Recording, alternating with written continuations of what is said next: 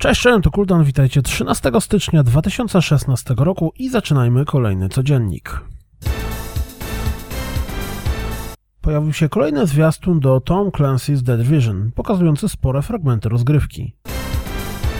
Not a Hero, czyli szybki pikselowy shooter 2D, zapowiadający się wyjątkowo smacznie i na pierwszy rzut oka mocno przypominający Broforce, dostał zwiastun i datę premiery.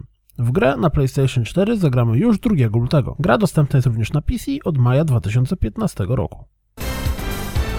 Również 2 lutego na PlayStation 4 i PlayStation Vita pojawi się Crypt of Necrodancer, w którym zakochałem się po PC-owej premierze. Sprawdźcie zwiastun. Homefront The Revolution dostał fabularny zwiastun i datę premiery. Gra pojawi się 4 maja 2016 roku. Gone Home na Xbox One i PlayStation 4 w Europie zostanie delikatnie, miejmy nadzieję, opóźniony ze względu na nieprzewidziane problemy z certyfikacją i kwalifikacją wiekową. Na wiosnę zagramy w Psychonauts na PlayStation 4 w wersję z PlayStation 2. Zawsze chcieliście zagrać w Harvest Moon, ale nigdy nie mieliście na czym? Wygląda na to, że startujący na Steamie 26 stycznia World's Dawn dostarczy Wam podobnej zabawy wystartowała usługa Origin Access, czyli dostęp do określonego katalogu gier EA na PC za opłacanie abonamentu w wysokości odpowiednika 5 dolców. Usługa na razie dostępna jest w Stanach, Anglii, Kanadzie i Niemczech, ale zapewne prędzej czy później trafi również do Polski. Dostęp na Xbox One EA Access został bardzo dobrze przyjęty, więc zapewne to samo spotka Origin Access.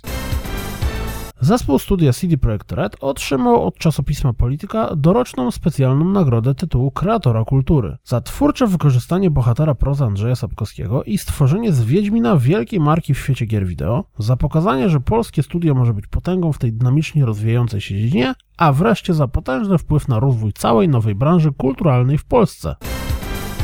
Nikomu nieznane studio Motimes Game postanowiło stworzyć grę opartą o powieść Howarda Philippa Lovecrafta w Górach Szaleństwa.